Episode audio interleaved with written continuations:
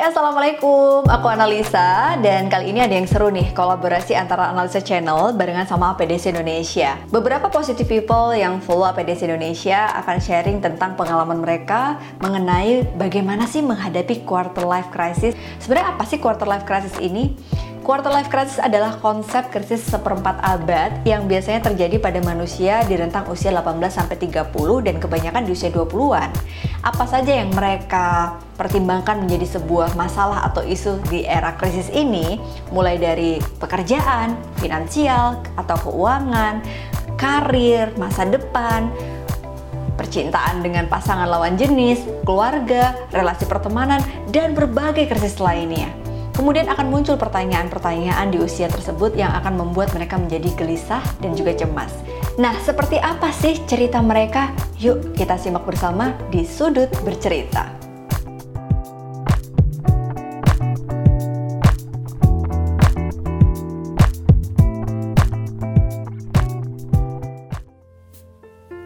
quarter life crisis sendiri menurut aku itu suatu fase di mana seseorang itu bingung mau ngapain, takut sama ke depannya itu gimana. Jadi kayak aduh aku gimana nih harusnya kayak gitu sih. Jadi di suatu kegundahan gitu sih.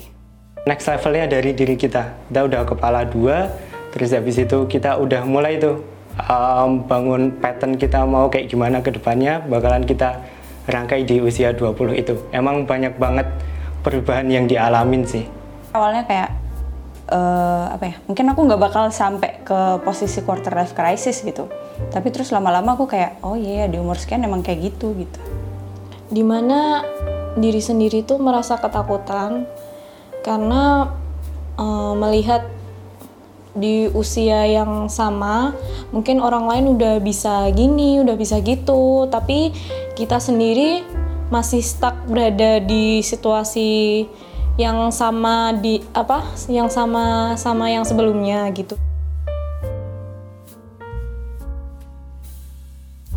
kayak udah mulai dari beberapa tahun sebenarnya ya masalah-masalah yang mungkin dilihat orang itu simple tapi menurut aku itu adalah suatu krisis buat aku gitu. Kalau di usia aku sebenarnya aku udah ngalamin dari antara 20 sampai umur aku sekarang apalagi setelah aku lulus kuliah.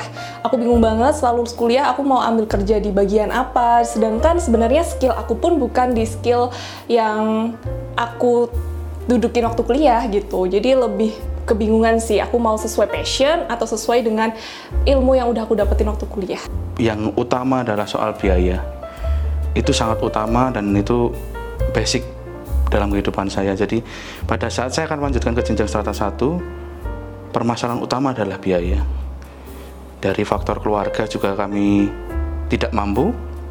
Dari faktor pekerjaan juga siapa yang menerima SMA, lulusan SMA. Aku pikir banyak banget hal yang harus diputuskan gitu.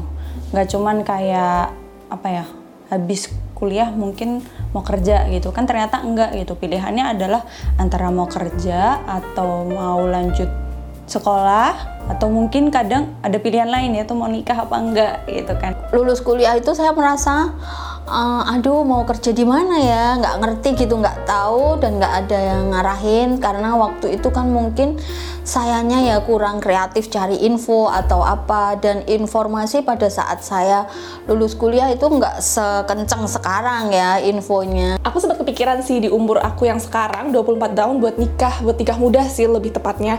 Tapi balik lagi sih karena emang kerjaan aku juga masih belum tahu nih aku mau nerusin karir aku tuh ke mana dan gimana. Udah gitu juga uh, pasti kalau udah nikah tanggung jawabnya nggak cuma dengan diri sendiri tapi juga kita harus bertanggung jawab sama keluarga kita nanti. Apalagi kalau udah punya anak kan belum bayar listrik dan lain sebagainya. Sukses itu ketika aku merasa hidup aku tuh udah stabil. Stabil dalam artian financially aku independen dari kedua orang tua aku. Terus habis itu aku punya pekerjaan yang stable. Terus mungkin ya kalau bisa dibarengi dengan punya pasangan yang emang punya komitmen terhadap hubungannya. Kalau standar sukses menurut aku uh, yang utama adalah yaitu sih kayak list aku tuh aku harus bisa bertanggung jawab terhadap diri sendiri. Kayaknya itu dulu yang pertama harus aku capai karena memang aku mau nggak mau harus itu sih yang harus aku capai untuk saat ini? Sukses itu terbagi atas beberapa. Yang pertama eh, spiritual, jelas hubungan kita dengan yang atas. Terus hubungan relationship, hubungan kita dengan kanan kiri. Yang ketiga finansial, finansialnya sukses belum ini. Terus yang terakhir itu adalah kita punya spirit, punya punya semangat, kita punya tujuan. KPI-nya apa sih?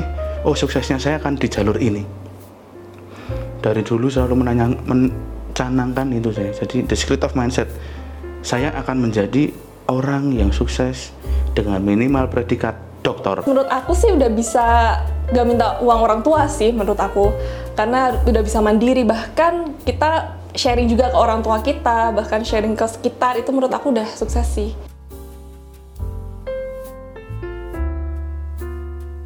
pesan buat Bella di 25 tahun.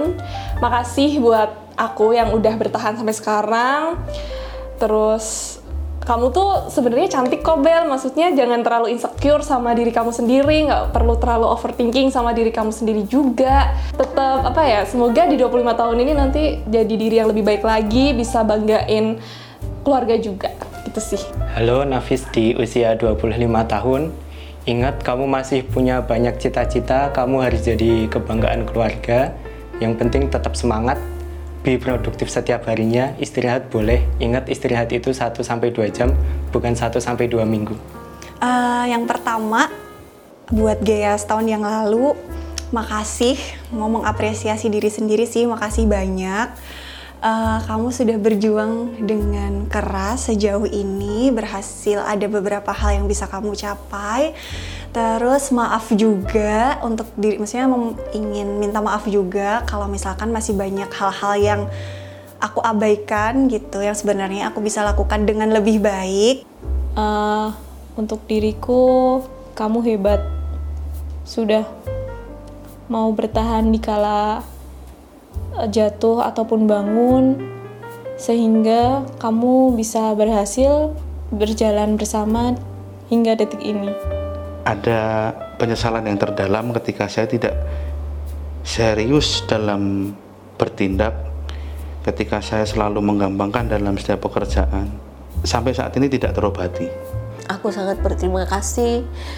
Semoga uh, kamu yang 25 tahun itu bisa menginspirasi uh, banyak teman-temanmu, banyak lingkunganmu dan uh, alhamdulillah terima kasih kamu juga tidak pernah uh, menyakiti diri dirimu sendiri. Kamu selalu memaafkan semua kesalahan-kesalahan kamu, even itu kesalahan besar terhadap orang tuamu. Tidak pernah menyakiti diri sendiri, tidak menyerah itu. Terima kasih whatever your decision is it apa ya it's always a good thing gitu it will always comes with a things that you will never think of. So don't be afraid to take those opportunities out there. Gitu